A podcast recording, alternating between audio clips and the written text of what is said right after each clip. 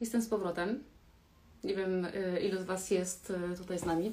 Okazuje się, że nie da się pisać SMS-a równolegle prowadząc y, konwersację na żywo na tym samym telefonie, bo człowieka po prostu rozłącza. Sprawdzimy, czy Pani doktor może już jednak jest z nami. Dla tych, którzy teraz dołączyli, chcę powiedzieć, że mamy dzisiaj wspaniałego gościa, Panią doktor Beatę Detlow, właścicielkę klinik New Age'owych, które zajmują się anti-agingiem w takim bardzo holistycznym, mądrym, głębokim e, podejściu. Jest pani doktor, wspaniale.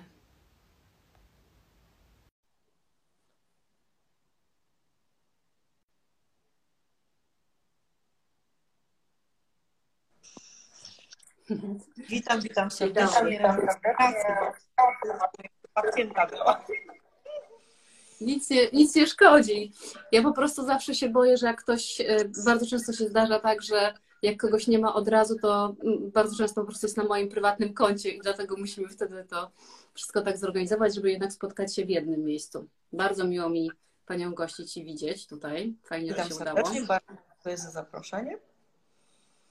Fajnie. Coś, czy trzyma Pani telefon w rękach? Bo w rękach się trzymam.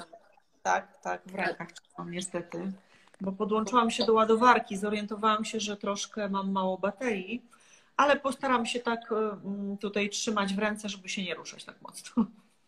Dobra, bo to też czasami na dźwięk wpływa, ale jeżeli będzie coś nie tak, to po prostu będziemy mm, przesuwać tak, żeby wszystko było super, super słychać. Fajnie. Pani Bato, zaczęłam mówić o tym w pierwszym, na pierwszym etapie naszego spotkania, kiedy Pani jeszcze nie było, ale myślę, że wszyscy, którzy są teraz, byli już wcześniej, o tym, że e, naprawdę ta ścieżka zawodowa Pani była dosyć kręta, ale niezmiernie interesująca i taka inspirująca i było tam mnóstwo takich e, wyzwań i mądrych decyzji i takiego brania odpowiedzialności w sytuacji, która nie do końca była pewna, więc na pewno o tym porozmawiamy. Ale ja bym chciała zacząć od początku, bo mnie zawsze zastanawia to, dlaczego dokonuje się pewnych wyborów. Więc skąd, skąd wziął się ten lekarz i dlaczego endokrynologia? Bo też mi się wydaje, że zawsze, że ten wybór tej specjalizacji też, jest, też ma znaczenie tak naprawdę mm, dla ludzi, którzy decydują się studiować medycynę. E, skąd wybór? E, wybór tak naprawdę sięga jakiejś tam głębokiej podstawówki, kiedy przychodziłam do mojej mamy do szpitala, która pracowała tam jako pielęgniarka. I kiedyś miałam przyjemność uczestniczyć i widzieć wizytę lekarską, tak? Jak pielęgniarka jest lekarzem, lekarz osłuchuje małego dziedziusia, bo to było na pediatrii. E, I wtedy jak to zobaczyłam i zobaczyłam właśnie, że on e, pomaga, tak, zalecenia tutaj przepisuje, to zrobiło to takie na mnie wrażenie, że powiedziałam sobie, to ja będę lekarzem, dosłownie. E, no i konsekwentnie potem robiłam wszystko, żeby, żeby zdać na medycynę, żeby wyjść na medycynie i uważam, że to jest świetny wybór. E, cały czas uważam, że to jest w ogóle, to jest moja pasja, to jest mój zawód. E, także czasami to jest właśnie taki przypadek, czasami coś z dzieciństwa. No ale też potem to się układało trochę inaczej, bo też na studiach samych nie miałam pomysłu za bardzo na siebie, w sensie specjalizacji, więc zdecydowałam się na zrobienie specjalizacji z chorób wewnętrznych, czyli to jest taka bardzo obszerna specjalizacja. Jedna z najtrudniejszych, naj, najtrudniejszych do zdania, bo, bo, bo, bo mega obszerna, dlatego że interna zawiera i hepatologię, i endokrynologię, y, i kardiologię i tak dalej, i tak dalej. Tych specjalizacji trochę tam jest, więc to jest naprawdę duża, duża dziedzina. E, a potem były właśnie studia doktoranckie, czyli to już było po studiach. I czyli już wtedy gdzieś na studiach zaczęłam się bardziej interesować tymi hormonami, e, czyli gdzieś ten, nie wiedziałam jeszcze o czymś takim jak anti-aging, jeszcze nie zdawałam sobie z tego sprawy, jeszcze się nie uczyłam e, tego anti-agingu nigdzie, ale już kwestia hormonów i endokrynologii bardzo mi się spodobała i już była dla mnie bardzo, bardzo interesująca ale y, tak naprawdę przez jakiś czas też trochę mniej byłam lekarzem, bo byłam menadżerem, tak? Także ta droga gdzieś układa się zupełnie nieoczekiwanie, ponieważ mój były mąż ze wspólnikiem założyli klinikę stomatologiczną e, i tam były pewne problemy I dlatego zdecydowałam się na to, żeby wejść w tą klinikę i pewne rzeczy uporządkować, pomóc uporządkować. I co się okazało? Okazało się, że posiadam umiejętności menedżerskie, z których w ogóle nie zdawałam sobie sprawy. E, jakieś pomysły, czyli miałam w ogóle jakiś pomysł, co zrobić, żeby ta firma zaczęła funkcjonować. Zaczęłam zmiany od strony internetowej, czyli ja będąc lekarzem, nie mając w ogóle wykształcenia żadnego w kierunku zarządzania firmą, jakiegoś marketingu, PR-u, zaczęłam robić pewne rzeczy takie, o których właśnie nie miałam pojęcia. I to wyglądało tak, że weszłam na stronę internetową, obejrzałam ileś tam stron internetowych klinik stomatologicznych i zobaczyłam, że one mi się w ogóle nie podobają i nasza musi być zupełnie inna.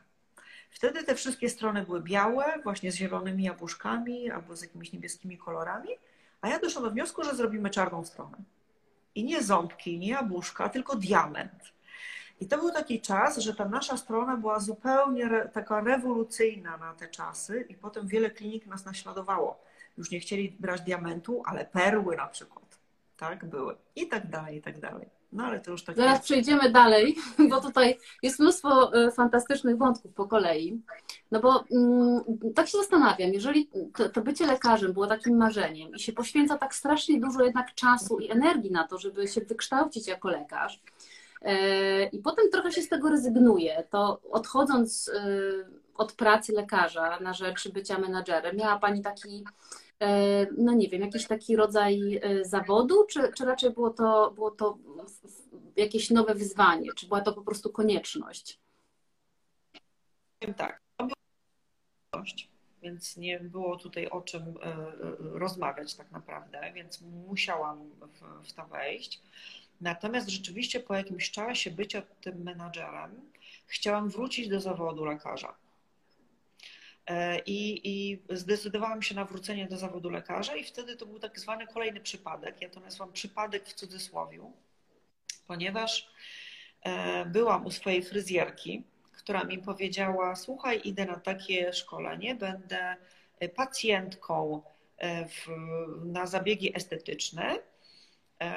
Ja mówię, tak, naprawdę, to zadzwoń do tego lekarza i zapytaj, czy jeszcze jakaś lekarka mogłaby przyjść na szkolenie.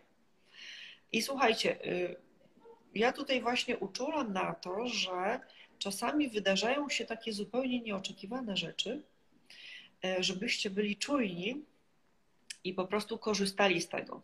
Po prostu jak czujecie, ok, coś fajnego, coś się nadarza, idę, wypróbuję, zobaczę. Bo dla mnie to wtedy było właśnie to wow.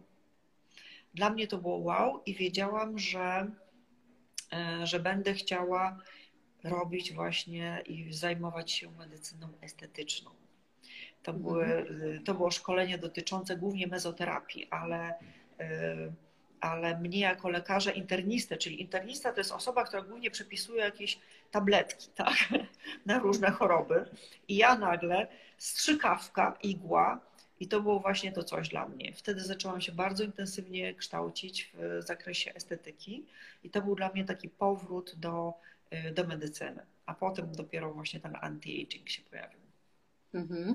A ten powrót, no, y, ten powrót do medycyny, tej już takiej estetycznej, to był pokierowany, nie wiem, na przykład taką, to, to, była taka decyzja też biznesowa, no bo to był chyba raczkujący rynek wtedy, prawda? I wiadomo było, że ma ogromny potencjał. Czy raczej nie? Czy raczej jakoś tak intuicyjnie to była jakaś taka sfera, która była fascynująca po prostu? Intuicyjnie i coś fascynującego. To znaczy, ja nie wyobrażam sobie, y, gdybym miała wykonywać jakiś zawód, czy robić coś, co nie jest moją pasją, czego nie lubię, co mnie nie kręci. Musi tak być, dlatego że ja, jak jestem w pracy, mi czas tak szybko płynie, właśnie dzięki temu, że uwielbiam to, co robię. A co jest najwspanialsze w byciu takim lekarzem? Y, to, że pomagam ludziom pomaganie. To jest to, co ja wtedy, y, jak byłam tą małą dziewczynką, zobaczyłam tego lekarza, że on pomaga, ja pomagam. I to w różny sposób, bo to jest. Y, czasami poprawiam humor, czasami po prostu likwiduję jakiś defekt, z którym ktoś długo chodzi i nagle się okazuje, że szybko można ten defekt zlikwidować. Dochodzi nawet do takich sytuacji, że pacjentka potrafi się rozpłakać ze szczęścia tak? bo ona nie wiedziała, że z tym coś można zrobić, a ona z tym chodziła ileś tam czasu. No i w ogóle moje pacjentki przychodzą i pokazują mi zdjęcia. Proszę zobaczyć, jak ja wyglądałam, a proszę zobaczyć, jak ja teraz wyglądam. No to jest niesamowite prostu. I to, to, to robi naprawdę, to jest dla mnie frajdą olbrzymią, tak? Taką, czuć takie szczęście, zadowolenie moich pacjentów. To jest właśnie w tej, tym zakresie takim estetycznym, bo ja też rozmawiam z pacjentami o różnych rzeczach. Ode mnie pacjent czasami wychodzi z książką, czasami wychodzi z medytacją.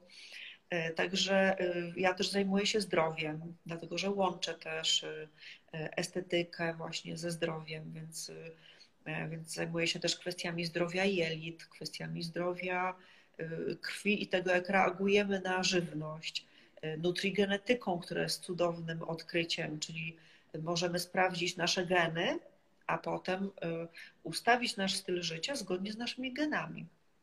I to jest piękne, dlatego że możemy świadomie zapobiegać chorobom cywilizacyjnym. Możemy pewne procesy odwracać, możemy po prostu wyłączać pewne geny. Mhm. A skąd się wzięła ta potrzeba takiego dogłębnego zbadania tego i dojścia do źródła, a nie poprzestanie po prostu na botoksie i mezoterapii? No bo taki scenariusz też byłby możliwy. Ja zawsze miałam, e, zawsze interesowałam się mm, starzeniem i tym, jak go spowolnić. I czytałam sporo rzeczy na ten temat. Potem trafiłam na taki kurs właśnie naszych endokrynologów polskich, ale pod przewodnictwem Thierry'ego Herzoga. To jest taki znany lekarz anti-aging na świecie. On jest Belgiem. E, też tutaj przyjeżdżał do Polski na te szkolenia. Zresztą mój certyfikat jest właśnie z jego podpisem. E, I to były cudowne szkolenia, naprawdę. To były cudowne szkolenia, bo one dotyczyły Mm, nie tylko żywności, nie tylko suplementacji, nie tylko witamin, ale dotyczyły naszego środowiska, tego, co nam szkodzi z naszego środowiska. Więc ja osobiście uważam, że wszystkie te sfery są bardzo ważne.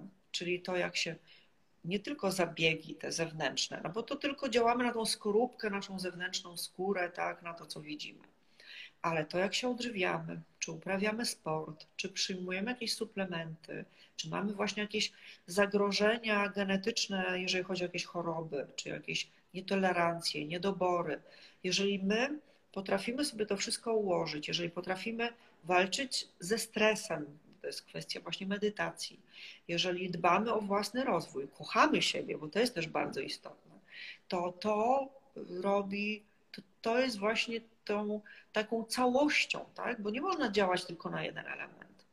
Nie można się przestać, zwolnić, spowolnić starzenie, działając tylko na jeden element. My jesteśmy istotami takimi, które posiadają ducha, posiadają fizyczność, tak? posiadają umysł, więc na te wszystkie sfery trzeba działać. I jak to wygląda? Bo jestem ciekawa, jak przychodzi taka pacjentka i mówi, mam zmarszczki pod oczami. Mm. I czy nie wiem, czy, czy już jest taki moment na świecie, że, że, że kobiety są świadome tego, że tak naprawdę to piękno i ta zewnętrzność bierze się ze środka, czy jednak jeszcze trzeba je edukować i tłumaczyć, że właśnie ta medytacja gdzieś tam na koniec może wbrew pozorom wpłynąć na to, jak się wygląda? Tak, oczywiście, że tak, bo może tak na, na wygląd pośrednio, tak, ale też wpływa. Ale przede wszystkim odstresowanie Y, wpływa na to, że lepiej śpimy, tak? czyli też inaczej rano wstajemy. Mamy mniejsze napięcia mięśni nawet, bo często napięcia różnych mięśni y, na twarzy powodują, że, że, że gdzieś tam jesteśmy zestresowani, spięci i to widać po naszej twarzy. Y, nasz umysł zupełnie inaczej funkcjonuje. Jesteśmy tacy bardziej zrelaksowani, wypoczęci. I de facto lepiej wyglądamy. A jak to jest? To jest tak, że kobiety są świadome już tego, czy jeszcze dużo pracy przed nami? Dużo pracy przed nami. Dużo pracy przed nami, bo powiem szczerze, że czasami ja też mam pacjentki lekarki. Też. E, I wiadomo, nas inaczej uczą. Na, na studiach medycznych e, nauka wygląda inaczej. My jesteśmy uczeni głównie farmakologii tak? Nie jesteśmy uczeni tego, jak żywność wpływa na nasze zdrowie, nie jesteśmy uczeni tego, jak właśnie medytacja, o takie rzeczy, to ja nie wiem, kiedy będą w ogóle na, na kierunku medycyna, ale żałuję bardzo, że ich nie ma. E, niestety nikt tego nie uczy, nawet jak, jak aktywność fizyczna wpływa na, na nasze zdrowie tak? i nasze samopoczucie. E, także i powiem tak, nawet właśnie panie doktor, które wyszły ode mnie gdzieś tam z pomysłem na medytację, gdzie to robić, jak to robić, bo to jest proste. Szukamy tego na kanale YouTube i wrzucamy sobie medytację taką, jaką chcemy. Chcemy przed snem? Medytacja relaksacyjna przed snem. Proszę bardzo. Wybieramy sobie taką, jaka nam odpowiada, albo z głosem, albo tylko muzyka. E, więc tego jest naprawdę bardzo, bardzo dużo. I ostatnio jedna z moich pani doktor powiedziała: Wie pani, że to działa? Także to jest niesamowite, bo e, gdzieś tam w to nie wierzymy, ale naprawdę warto wypróbować. E, po długich walkach udało mi się namówić moją córkę na to, która też nie, nie, nie i w ogóle o czym ty do mnie mówisz, jaka medytacja, ale zaczęła to robić i też uważa, że lepiej śpi. No, to już jest stare, w zasadzie ja nie wiem, chyba, bo to i przecież staro, staroindyjskie zdaje się, prawda? Hinduskie tak naprawdę ta medytacja gdzieś z tamtych e, stron pochodzi, pewnie też z Chin. Jak znam, że oni też tam w ruchu medytowali, więc e, to jest taka, taka wiedza, która rzeczywiście została zapomniana i teraz jest odkrywana przez e, świat zachodni, słusznie, bo, bo, e, bo działa. A jak to jest z tą nutrigenetyką? Bo też zastanawiałam się nad tym, jesteśmy w stanie, prawda, z, z genów wyczytać obciążenie jakimiś chorobami takimi cywilizacyjnymi albo naszymi osobistymi, a jak, a jak co tam można wyczytać, jeżeli chodzi o ten aspekt starzenia się? Co jest istotne? No, bardzo istotne jest, są predyspozycje do e, otyłości, predyspozycje do jakiegoś słabego metabolizowania pewnych witamin, e, co też wpływa na nasz organizm bardzo silnie. Predyspozycje do nietolerancji pokarmowych albo nadwrażliwości na pewne pokarmy. Tak? E, tam też sprawdzamy jak starzeją się nasze kości, nasze stawy, jak starzeje się nasz mózg, czy mamy predyspozycję do zaburzeń pamięci, do depresji, do demencji, do choroby Alzheimera, jak funkcjonuje nasz system detoksykacji, czyli oczyszczania naszego organizmu, jak funkcjonuje system antyoksydacji, czyli walka z wolnymi rodnikami, więc tu mamy dużo, dużo wiedzy. A i jeszcze jaka forma ruchu jest dla nas najlepsza, co jest też ważne. Czy jesteśmy typem szybkościowym, wytrzymałościowym, czy mieszanym? Także też bardzo, bardzo e, istotna rzecz, bo czasami niektórzy forsują się i wybierają sporty nie dla siebie. I takie, mhm. które mogą spowodować, że będziemy się szybciej starzeć, a nie wolniej. To, no i co? I wychodzimy od Pani z taką wiedzą, że nie wiem, mam beznadziejny metabolizm witamin, e, z antyoksydacją też e, nie do końca fajnie, jeszcze mam tendencję do otyłości. I co ja mogę z tym zrobić? No, wtedy siadamy. Ja zalecam jeszcze wcześniej badania laboratoryjne. Porównujemy to właśnie z tymi badaniami laboratoryjnymi i wtedy działamy, tak? To jest kwestia witamin. Tutaj właśnie widzę, padło pytanie, y, o dyspozycję do depresji, tak? Y, no to jest kwestia na przykład też witaminy D, tak? Czyli niedobór witaminy D, niedobór choliny, I wtedy, jak mam jeszcze potwierdzoną informację właśnie w tym teście, że jest problem z metabolizowaniem takich witamin, no to wtedy uzupełniamy. To jest też kwestia kwasów omega, tak? Także warto, warto to uzupełniać. Normy laboratoryjne witaminy C są, D są znacznie zaniżone, więc ja e, naprawdę po, podkręcam tą witaminę D. Do ilu Pani podkręca, Pani doktor? Bo ja słyszałam już bardzo różne opinie. Ile Pani zaleca? Jaka no norma no, taka? Ale chodzi Pani o przyjmowanie? Y, y, Nie, chodzi mi o wynik. O wynik. O wy, wynik powinien być powyżej 50. 50-70. Takie minimum to 40. Minimum. Mhm. Bo chyba norma jest do 50, prawda? Taka nie, oficjalna. Nie, nie, norma oficjalna jest do 20. Do 25. Oh tak. Także ona jest naprawdę za niska. No to prawda. Też słyszałam to z wielu ust i szczególnie, nie wiem, czy Pani się z tym zgodzi, ale słyszałam, że w ogóle witamina D3 bierze ogromny udział w, w walce i z ochroną przed COVID-em tak naprawdę, bo podobno mm, tak, łączy... Dlatego, to... mhm, dlatego, że witamina D kiedyś kojarzyła nam się tylko z kośćmi, tak? że zdrowe kości długo bez osteoporozy. Ale witamina D to jest tak naprawdę odporność bardzo często osoby, y, które często chorują, mają niskie poziomy witaminy D, bo mają jakiś problem z metabolizowaniem tej witaminy. To jest też kwestia właśnie stanu umysłu, czyli właśnie w takich stanach depresyjkach, tak? Dlatego my mamy te depresje i szczególnie w okresie jesienno-zimowym, bo ten poziom witaminy D u nas spada. Także warto, warto zupełnie. Warto.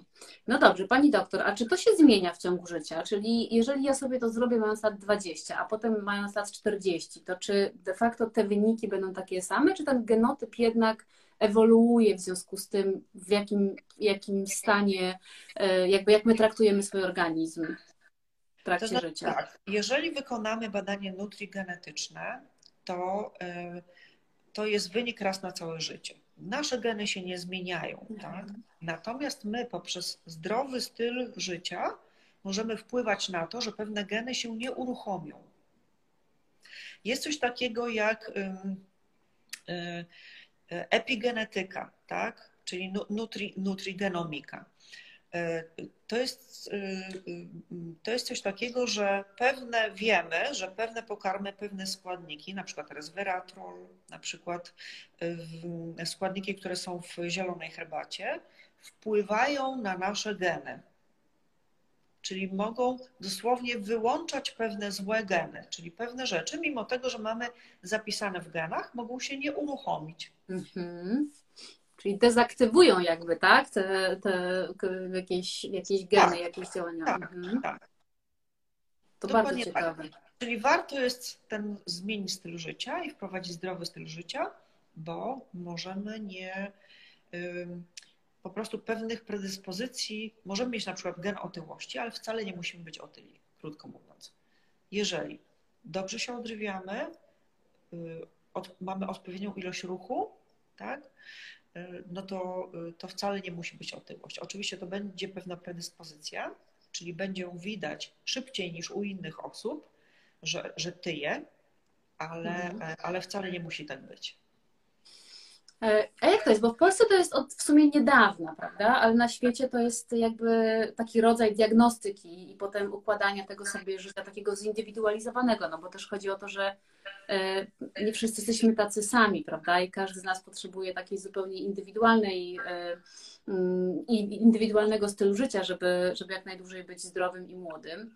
E, czy, czy to jest tak, że za granicą to jest naprawdę takie zupełnie popularne? Szczególnie w Stanach. Tak naprawdę nutrigenetyka wyszła ze Stanów i tam to już jest doświadczenie około 30-35-letnie. W Europie 15-letnie, a w Polsce około 8 lat. Ja jestem tym zafascynowana od czasu, kiedy sama wykonałam to badanie, bo wiem, jak dużo się zmieniło w moim życiu. Co się zmieniło? Mam dużo więcej energii. Mam dużo więcej energii. Zmieniłam w ogóle garderobę o jeden rozmiar na, na mniej, mam dużo więcej energii. E, I taka prosta rzecz u mnie występowała. Ja piłam 4-5 kaw na dobę, a e, mam nadwrażliwość na kofeinę. I ja po mhm. prostu przestałam pić tyle kaw. Ja zobaczyłam nagle, co to znaczy energia. Czyli na koniec to i tak wszystko jest kwestia świadomości siebie tak naprawdę i swojego organizmu, prawda? I wtedy można to z dużą... Świadomości i znajomości, tak? Bo warto korzystać z takich narzędzi, e, bo e, no naprawdę dużo, dużo możemy się dowiedzieć na swój temat. No dobrze. Słuchajcie, bo robimy wszyscy badania, warto, naprawdę. Ja uważam, że e, to rzeczywiście ma sens, no bo wtedy jesteśmy w stanie to kontrolować i projektować sobie ten nasz styl życia e, tak, żeby być, był jak najbardziej mm, zdrowy i efektywny, no bo lepiej jest zapobiegać niż potem tak naprawdę łatać dziury, które się pojawią. Pani doktor, no dobra, Założyła Pani e, te kliniki e, anti-age'owe, tak jak mówiliśmy wcześniej, była współ, e, współwłaścicielem i prowadziła mm, ten Dental Excellence. Zaczęła właśnie Pani mówić bardzo ciekawą historię, bo wyszła z tego świata medycyny tak naprawdę, z konieczności, weszła do świata biznesu i co? I okazało się, że jest Pani świetnym liderem. Jak to, tak, jak to no, było? Nie wiem czy świetnym, ale, ale, ale, ale że w ogóle mam takie umiejętności, tak? Że w ogóle mam jakieś umiejętności menadżera, o których nie zdawałam sobie sprawy, bo moja droga miała się ułożyć zupełnie inaczej. Robiłam doktorat, miałam robić habilitację, czyli w ogóle bardziej tak naukowo, tak? A tutaj nagle proszę, menadżer, w ogóle mam jakieś pomysły na, na firmę, co z nią zrobić. E, no i z biegiem czasu e, tak naprawdę no właśnie, chciałam potem wrócić gdzieś tam do, do medycyny, więc to był ten przypadek, że estetyka i zaczęłam przyjmować pacjentów, ale wtedy jeszcze byłam w tym miejscu kliniki stomatologicznej. Tam miałam swój gabinet. To był taki trudny moment, dlatego że nasze drogi z moim byłym mężem się już rozchodziły. Ja miałam depresję, e, także musiałam podjąć decyzję męską o odejściu i o tym, żeby założyć własną klinikę i być w zupełnie innym miejscu. I e, to była bardzo trudna decyzja dla mnie. I ja mówię, nie ma przypadków, bo, bo wtedy przez tak zwany przypadek moja koleżanka, która do mnie przyszła, dała mi opaskę na wejście na szkolenie. I to było, były takie szkolenia w Polsce Millionaire Mind Intensive, MMI. Amerykanie bardzo silnie weszli do Polski, robiąc e, szkolenia i akurat trafiłam na taki dzień, gdzie trzeba było taką drewnianą strzałę łamać na szyi. Ktoś podpierał tą strzałę z drugiej strony, a ja musiałam zrobić krok, żeby na szyi złamać tą strzałę. A na tej strzale miałam sobie napisać wszystkie moje wątpliwości. Moją wątpliwością właśnie było to i takim strachem to, że ja y, no, nie dam rady, czy nie chcę właśnie otwierać czegoś swojego własnego bo wiedziałam, że to są duże nakłady, duże inwestycje, to jest czas. E, I po prostu ja wtedy nie miałam takich pieniędzy. Po złamaniu tej strzały, jak się przespałam, to doszłam do wniosku, że no, zajęło mi to kilka dni, ale doszłam do wniosku, że już mam swoją grupę pacjentów. E, tak naprawdę e, miałam się wtedy z kimś połączyć, ale dziękuję Ci Panie Boże, że mnie uchroniłeś i się nie połączyłam bo, wiem, bo wiem, że nic by z tej współpracy nie, nie wyszło po jakimś czasie. E, I wtedy zaczęłam szukać lokalu. Zaczęłam szukać lokalu, ale wiedziałam, że nie mam środków na to, więc musiałam mieć pewne założenia. Ok, szukam czegoś, ale to musi być gotowy lokal po medycynie, po czymś takim, żebym miała po prostu, no, nie miała tutaj jakichś dużych inwestycji. Znalazłam dwa takie lokale w Warszawie. Weszłam do jednego, do drugiego i tu jak weszłam na Nowogrodzką, powiedziałam, to jest to miejsce. I tutaj już zostałam. Potem był etap negocjacji. Negocjacji z funduszem niemieckim, co nie było łatwe, bo yy, wiedziałam, że nie mam pieniędzy, więc muszę wynegocjować jakieś pieniądze, jakiś dodatek do tego lokalu. Wiedziałam, że muszę wynegocjować jakieś niepłacenie czynszu i wiedziałam, że odsunięcie tego czynszu w czasie muszę wynegocjować, żeby w tym czasie trzech miesięcy móc wyremontować e, tutaj lokal. I Ewa, moja adwokat, która ze mną chodziła na te negocjacje, mi mówiła: Beata, ale to nie jest możliwe. Ja jej wtedy powiedziałam: Ale Ewa, skoro ja nie zapytam i nie porozmawiam na ten temat, to nie będę wiedziała, czy to jest możliwe, czy nie. I po prostu twardo rozmawiałam, negocjowałam i przesuwaliśmy trochę te nasze widełki, bo fundusz miał jakieś tam swoje widełki, mi się udało jeszcze trochę je przesunąć, więc skończyło się to tym, że miałam pół roku niepłacenia czynszu i dostałam jeszcze całkiem spore pieniądze na remont, więc mogłam za ich pieniądze to wszystko wyremontować. Oczywiście musiałam wtedy te pieniądze pożyczyć, bo ja dopiero na podstawie zapłaconych faktur tak? Dostałam zwrot tych pieniędzy, ale wszystko się udało. Wszystko się udało. W ciągu kolejnych dwóch lat powstała druga klinika w Konstancinie. No i potem to już tak naprawdę dołączały kolejne osoby do zespołu. To, ale to było ogromne ryzyko, prawda? Y, I taka trudna decyzja. I co sprawiło, że, że znalazła Pani w sobie tą siłę, żeby to zrobić? Bo wydaje mi się, że wiele osób po prostu w takiej sytuacji się poddaje.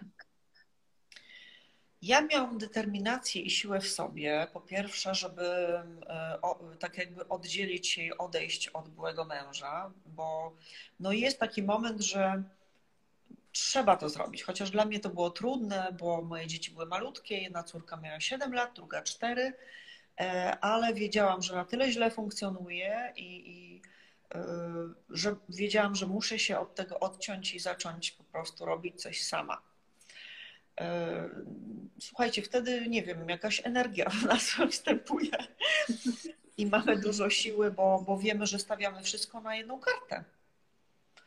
E, więc y, założyłam szybko spółkę ZOO przez internet, żeby to nie było jako na moją działalność, bo wtedy wszystko idzie na mnie i odpowiedzialność cała idzie na mnie, tak? Ze spółką ZOO jest trochę inaczej.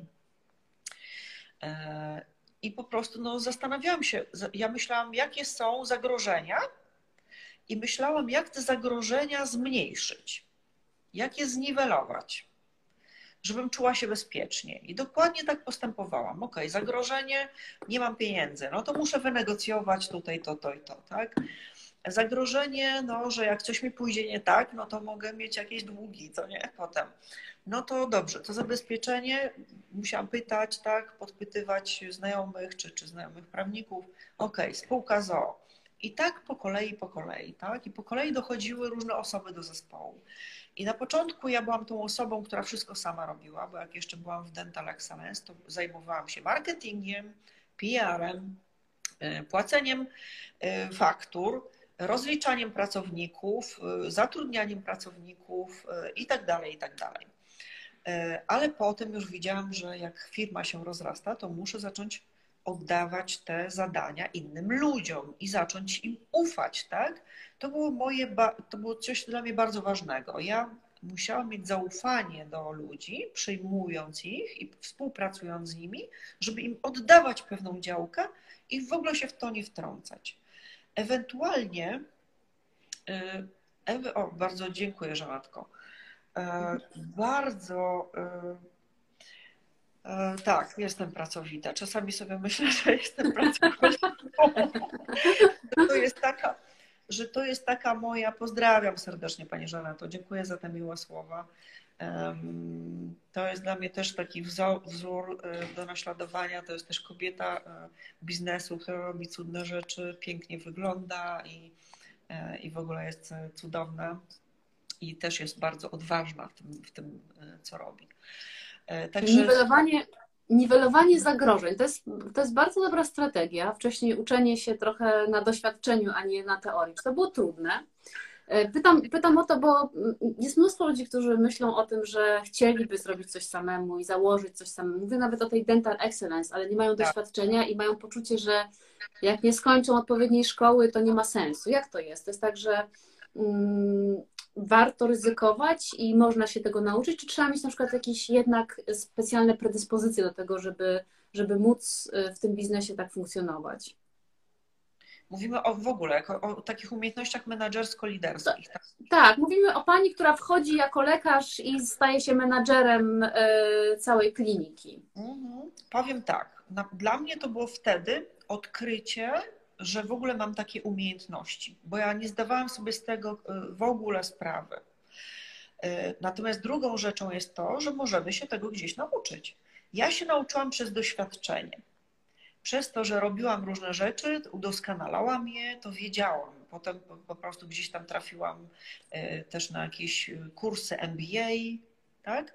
Ale już widziałam, że w momencie, kiedy trafiłam na kursy właśnie takiego, takie menedżerskie, to ja już bardzo dużo rzeczy wiem, że już niewiele rzeczy mnie zaskakuje tak naprawdę, tylko że to, co ja się nauczyłam, to, to dosłownie przez doświadczenie, przez to, co yy, robiłam mhm. praktycznie po prostu. No tak.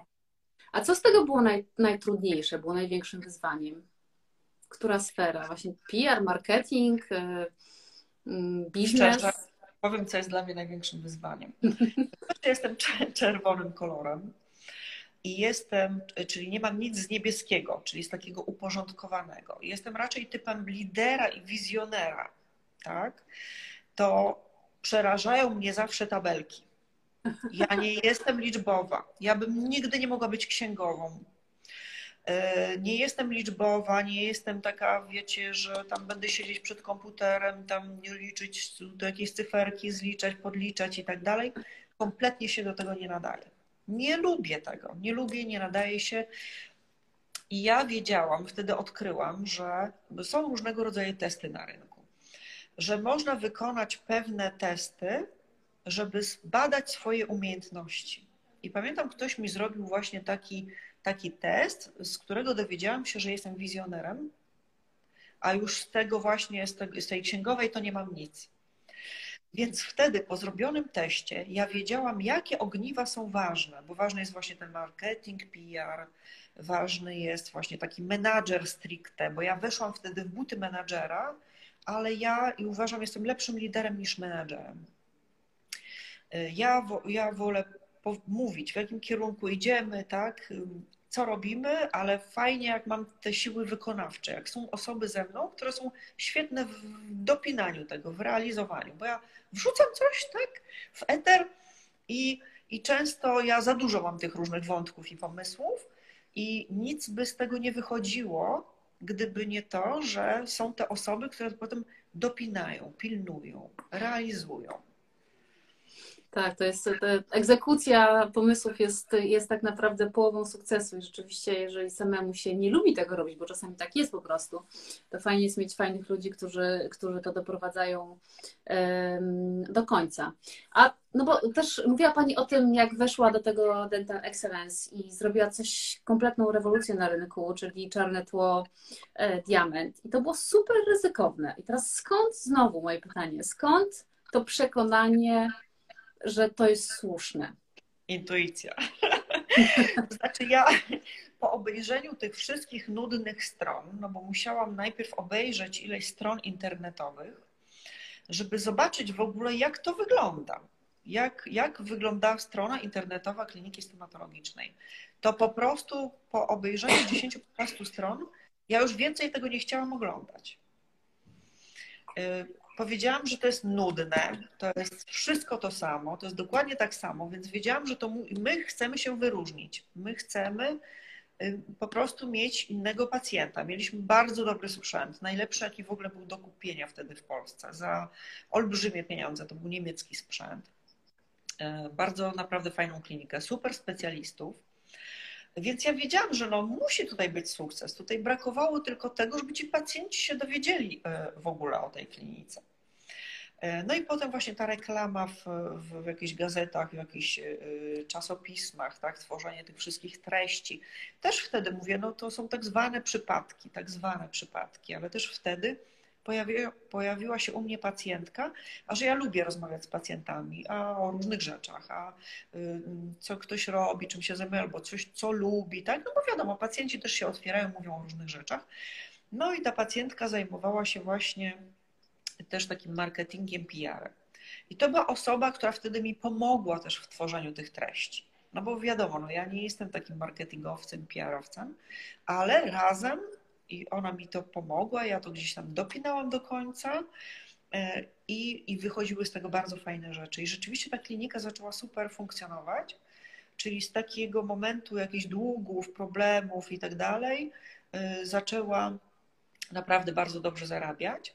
E, ja po roku dostałam taką nagrodę właśnie tego Radia PIN i Banku BRE, gdzie sam Adam Scheinfeld wręczał mi tą nagrodę. Businesswoman roku 2008 właśnie za e, efekty finansowe, tak? E, dlatego, że to były wzrosty bardzo duże, bo to były 100%, 150% z miesiąca na miesiąc, więc to w ogóle były no, naprawdę coś fajnego się zaczęło dziać w tej firmie. No i, i co? Jest super sukces, a pani sobie myśli, nie, ja chyba jednak tęsknię za tym, żeby być lekarzem. Jak to możliwe? Tak, bo jak ja już zobaczyłam, że firma zaczyna funkcjonować, czyli ja już jej tak nie jestem bardzo potrzebna, bo wtedy musiałam, ja nie miałam wyboru. Czyli ja po prostu jak żołnierz stanęłam na posterunku, żeby wykonać pewną pracę, tak? Ja się nie zastanawiałam nad tym. Dla mnie to nie był wtedy wybór, czy idę y, gdzieś do szpitala jako lekarz pracować, bo ja wiedziałam, że, że tu jest taka sytuacja, że muszę tutaj pomóc i coś z tym zrobić. Więc jak to już zaczęło fajnie funkcjonować, no to ja jestem taką osobą, która się rozgląda za nowymi rzeczami. Ja nigdy nie poprzestanę na, na czymś. Jak już jest za nudno, to muszę robić jakieś nowe rzeczy. U mnie dziewczyny w zespole się śmieją, bo jak ja już dochodzę do takiego muru, bo już jestem zmęczona na przykład czymś, bo już znowu jakaś realizacja, nowy pomysł i znowu coś nowego i mówię nie, nie, nie, teraz odpoczywam, teraz nic nie robię, a one tak na mnie patrzą i mi pokazują, że mi zaraz kaktus im wyrośnie na ręce. Powiedzą, że jak tylko trochę odpocznę, to zaraz znowu coś nowego wymyślę. Zaraz trzeba jakąś stronę internetową nową zrobić, albo jakąś nową usługę wprowadzić, albo coś tam jeszcze. Tak, także rzeczywiście e, jestem taką osobą, która jakoś tak nie może się zatrzymać.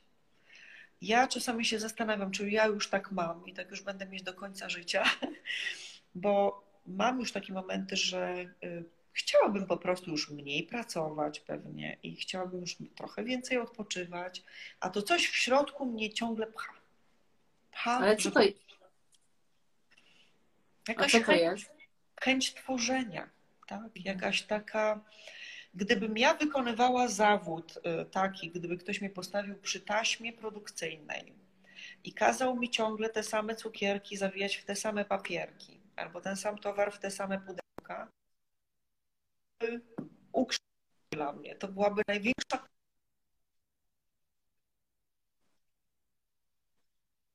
obrażam sobie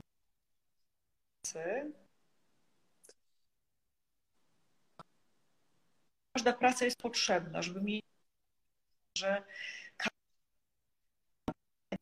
ja jako ja, jako to nie była praca. Nie byłabym jej w stanie wykonywać, gdybym robiła ciągle to samo. U mnie jest różnorodność. Różnych pacjentów, mam zupełnie różne problemy. Po tylu latach działania w estetyce spotykam się z, czasami z zaskakującymi rzeczami, tak? Ciągle właśnie chcę tworzyć coś nowego, bo przecież też będziemy przenosić klinikę, więc buduje się coś w tym czasie teraz właśnie, jak sobie rozmawiamy, to, to, to powstaje coś nowego, tak? Także, e, także jestem jeszcze bobem budowniczym do tego tak naprawdę, bo różne decyzje, projekty, tak, oglądanie, decydowanie, wymieniamy piony takie, wymieniamy piony inne, tu ma powstać spa, tu ma e, powstać nie wiem, ale tu akurat w tym spa ma być to, to i to i tak dalej. Także no to też gdzieś tam w głowie powstaje to wyobrażenie, tak? I potem jest ważna realizacja. Ja sobie często maluję wszystko w głowie. I jak maluję sobie, wyobrażam, to potem szybko czuję, że to trzeba zrealizować. A kiedy Pani poczuła, że to jest sukces? To jest dokładnie to, o czym marzyłam.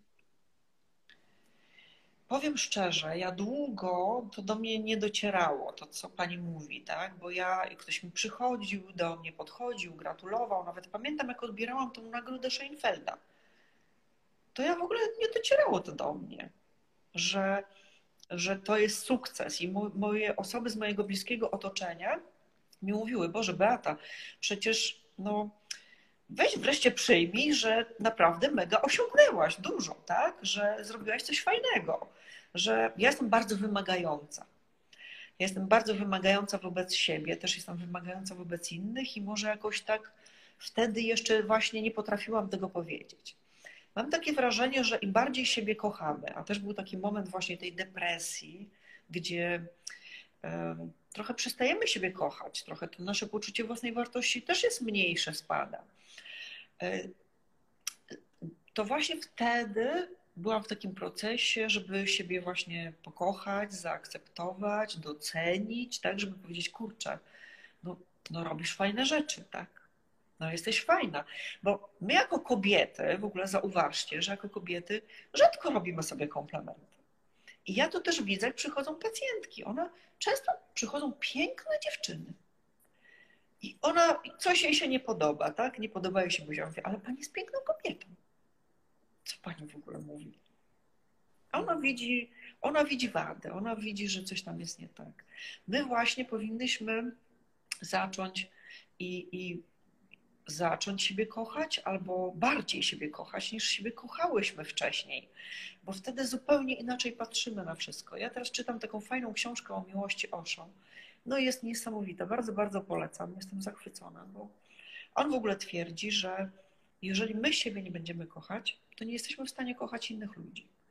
A ja to, co robię, to uważam też jest wyrażanie miłości do innych ludzi. Bo ja to robię z pasją, ja uwielbiam to, co robię. I ja y, po prostu czuję, że chcę pomóc innym ludziom. I to jest fajne. I to jest też coś takiego, że właśnie dajemy tą pasję, dajemy to dobro, dajemy to, co robimy i, i robimy to z jakąś miłością. Mhm. I myśli Pani, że dlatego to jest sukces? No bo myślę sobie, że takich klinik potencjalnie jest dużo na rynku tak naprawdę. Jest bardzo tak. duża konkurencja w tym obszarze. I tak. co się takiego wydarzyło, y, że to właśnie Pani gdzieś tam zbudowała taką bardzo silną markę?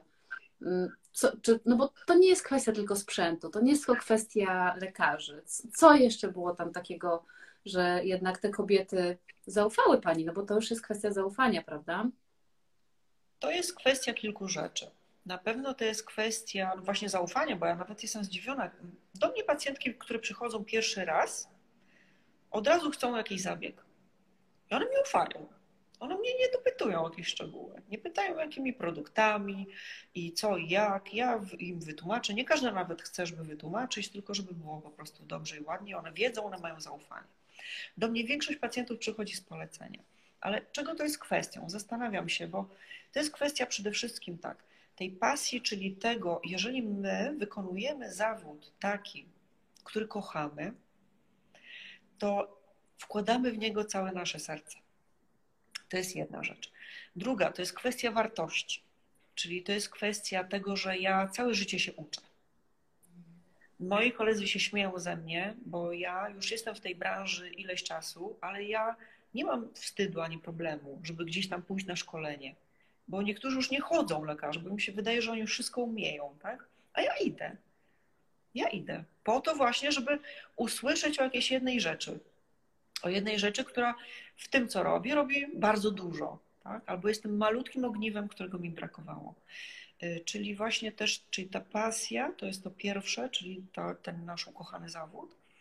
Y, drugie to jest właśnie ta nauka, tak? edukacja. Wartości. Mhm. Profesjonalizm, tak? bo uważam, że po prostu robić to, co robimy najlepiej, jak potrafimy. Najlepiej, jak potrafimy. To jest jeszcze. Ja jestem uczciwa do bólu. Tak? Uczciwość. Uważam, że też uczciwość i taka mm, czyli uczciwość, jeżeli chodzi o osiąganie efektów, tak? uczciwość we wszystkim, co, co uważam robię w doborze materiałów. Ja y, nie potrafiłabym sprzedać usługi, w którą nie wierzę. Nie mhm. sprzedam. U mnie wszystkie usługi, które są, wszystkie sprzęty, które są zakupione, wszystkie rzeczy, które, te testy zdrowotne, te różne y, te, i testy nutrigenetyczne, są rzeczy wypróbowane na mnie, gdzie ja widziałam, że jest potem efekt. I ja wiem, że to po prostu działa. Ja takie rzeczy wprowadzam, bo ja wtedy wiem, jak na mnie zadziałało, tak? Jeszcze biorę jeszcze na przykład jakieś osoby, żeby na nich posprawdzać, czy zespołu, czy e, to wiem, że to będzie działać. I ja mogę po prostu to zdecydowanie polecić, tak? I powiedzieć, że to będzie dobry zabieg dla pani. To jest ogromna odpowiedzialność, a mnie też zastanawia ta relacja, bo wydaje mi się, że w ogóle relacja pacjent i lekarz i też również w medycynie estetycznej to jest taka bardzo delikatna relacja, prawda, która jest oparta na, e, na zaufaniu i jak to jest? Czy, czy, czy właśnie lekarz w takiej sytuacji czuje się, nie wiem, bardziej autorytetem, czy bardziej opiekunem? Jak to jest z Pani perspektywy? Jak przychodzi taka osoba i, mm, i prosi o pomoc tak naprawdę? I tak, i tak, dlatego że pacjent, który do mnie trafia, to uważam, to jest 98% pacjentów są z polecenia. E, czyli tak naprawdę media społecznościowe to istnieją bardziej po to, żeby być, tak, żeby gdzieś tam, bo teraz każdy w jakiś sposób ma jakąś stronę internetową, ma Facebooka, ma Instagrama, ale naprawdę e, to jest kwestia poleceń. I to czasami mam takie sytuacje, że ktoś komuś polecił i ta osoba, ta pierwsza, która poleciła tej drugiej osobie, jeszcze jej nie było, a już ta druga trafiła, tak? Bo ona słyszała, żeby tutaj, e, e, tutaj przyjść. Czyli to, to zaufanie jest taką fajną rzeczą, tak? Czyli to, że ja uważam, że jestem takim ludzkim lekarzem. Ze mną można o różnych rzeczach porozmawiać. Pacjentki się otwierają przede mną, mówią o bardzo osobistych rzeczach. Ja no, i mam ileś pacjentek, które przeszły, nie wiem, albo depresję, albo rozwody, albo jakieś różne sytuacje, doradzam, rozmawiam z nimi, więc One nie przychodzą tylko tak, wiecie, że wpadają i wchodzą i wychodzą, tak, ostrzyknę je i one wychodzą. Nie, one, one właśnie y, też coś usłyszą ode mnie, jakąś poradę, wyjdą z książką, nie wiem, y, właśnie z jakimś tam pomysłem y, na coś. I ja po prostu, ja nigdy nie pamiętam, jak pacjenci mają na nazwisko, bo mam problem z nazwiskami, ale, ale pamiętam pacjentkę i wiem, że ona ma kotka albo pieska, albo ma właśnie jakąś tam trudną sytuację i pamiętam ją wizualnie bardzo dobrze. I wiem, że włosy na przykład zmieniła, tak? albo kolor włosów i tak dalej. Więc my mamy relacje, budujemy to wszystko na relacjach. Zresztą tak samo jest u mnie w zespole. E, u mnie w zespole jest tak, że mamy normalne, fajne, ciepłe relacje ze sobą.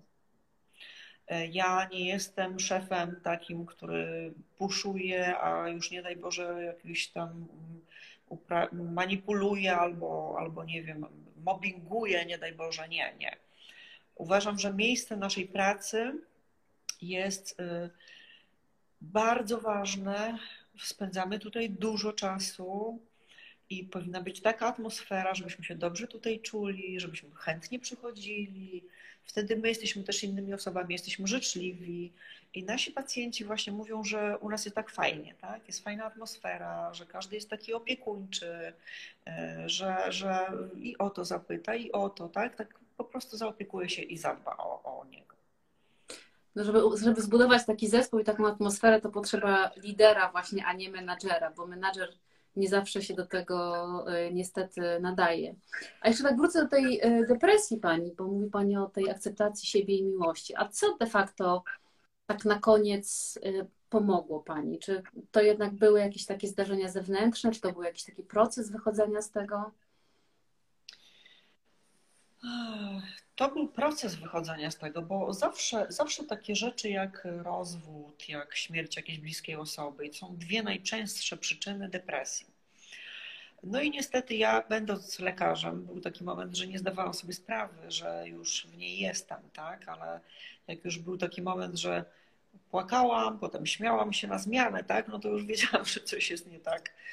Nie miałam siły zupełnie, więc szłam do pracy, miałam roczki y, przed oczami, kręciło mi się w głowie, po prostu musiałam wrócić do domu, położyć się do łóżka i leżeć. Mimo tego, że chciałam wstać i chciałam coś robić chciałam pracować, więc to było, to było naprawdę straszne.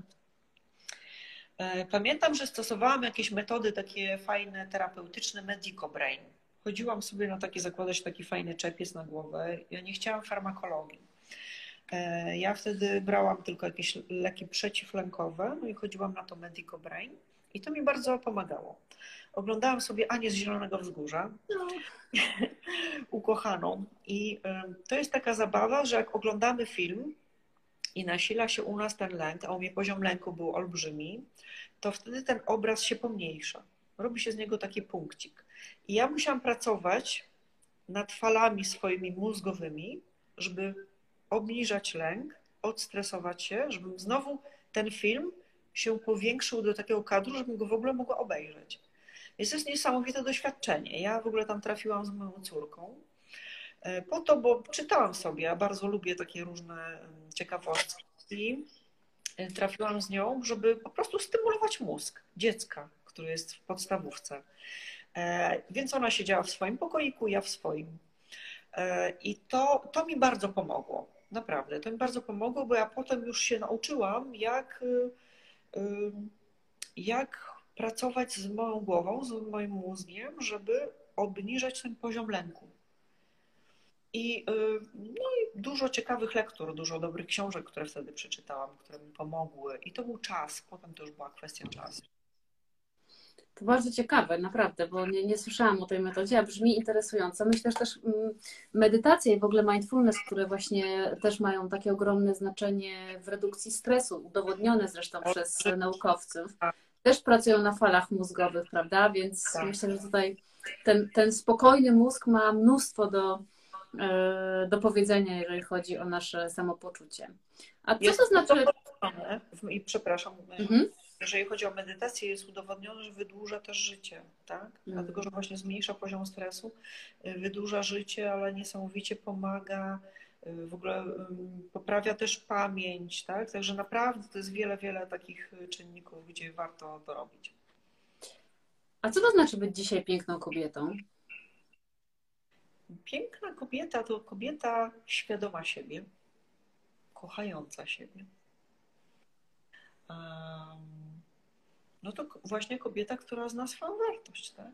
Zna swoją wartość i zna swoje granice i mm, tu nie chodzi zupełnie o piękno jakieś zewnętrzne, bo, bo sam, same wiemy, że na takim przykładzie prostym faceta, jak czasami mężczyzna, który wcale nam się nie podoba, poznajemy go i nagle jak się w nim zakochujemy, okazuje się, że on nagle taki piękny jest i taki w ogóle przystojny.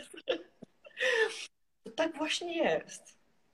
Tak samo kochamy nasze dzieci, czy są brzydkie, czy są ładne, czy czasami, no po prostu, bo to jest taka miłość matczyna do tego naszego dziecka i zawsze będziemy go kochać taką miłością, taką bezwarunkową zupełnie. Więc to jest to. Hmm, brzmi Pani jak piękna kobieta. Czy czuje się Pani piękną kobietą?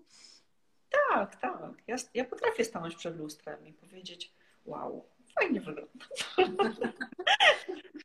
Zawsze tak było, czy to był proces jakiś jednak Nie, takiej świadomości?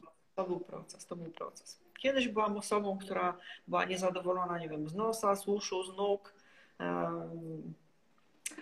A, a dzisiaj właśnie uważam, że to jest, że, że jest, przepraszam, coś tu. A, dobrze, muszę przejść do innego gabinetu, przepraszam. Już kończymy za chwileczkę. Trzy minutki? Skończymy? Tak, dobra, dobra, super. To ostatnie, to w takim razie ostatnie pytanie. Jakie plany? No bo Pani się nie zatrzymuje i rzeczywiście jakby ten rozwój i kopanie w głąb i wszerz y, tej dziedziny, w którym się Pani specjalizuje jest bardzo widoczne i też to jest taka dziedzina, która się rozwija. To co za pięć lat? Jakie plany? Oprócz więcej odpoczynku. O, za pięć lat? W najbliższej perspektywie mam bardzo dużo zmian, bo e, teraz buduje się nowa klinika, z tym, że będę Nowogrodzką przenosić tam, ale to będzie większa klinika, czyli będę poszerzać zakres usług, mocniej w medycynę regeneracyjną, mocniej w anti-aging. E, to będzie miejsce z bazą hotelową, z bazą spa, z restauracją, więc to jest zupełnie już inny projekt. A za pięć lat, za pięć lat, no mam nadzieję mniej pracować. Troszkę mniej.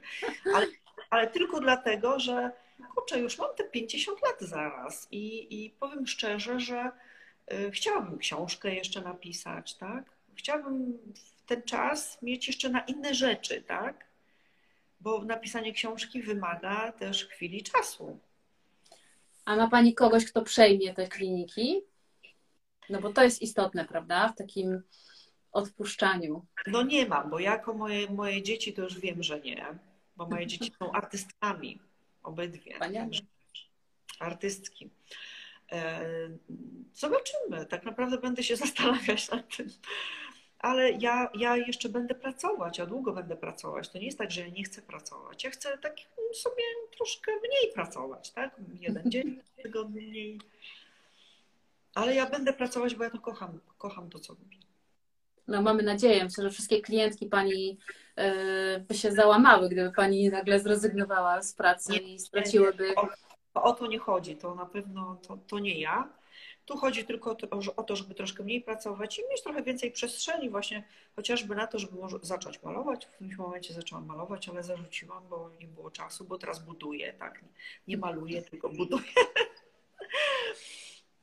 Ale cały czas pani coś tworzy, wspaniale. Ja tylko trzymam kciuki tak naprawdę, bo nie wydaje mi się, żeby tutaj mogło się coś zdarzyć, bo już zdarzyło się sporo różnych rzeczy w Pani życiu i ze wszystkiego Pani wyszła zwycięsko, jest taką odwagą, otwartością na to, co przyniesie los. E, jak najwięcej życzę tych fajnych, mądrych przypadków, które Pani tak, tak, tak mądrze przyjmuje tak naprawdę i nie do końca nazywa przypadkami. No i nic. I zapraszam wszystkich, słuchajcie, na te badania, bo ja naprawdę uważam i święcie wierzę, że to ma sens w dzisiejszych czasach, żeby sobie jednak tak siebie zeskanować głębiej i zobaczyć, co tam działa, co nie działa, na co trzeba zwrócić specjalną uwagę. Tak, i robić coś, żeby działało, żebyśmy długo byli piękni, młodzi e, i nie, nie chorowali. Dokładnie tak. Bardzo dziękuję Pani Beato. Dziękuję pięknie. Dziękuję serdecznie. Pozdrawiam serdecznie. Pozdrawiam bardzo. Można wejść.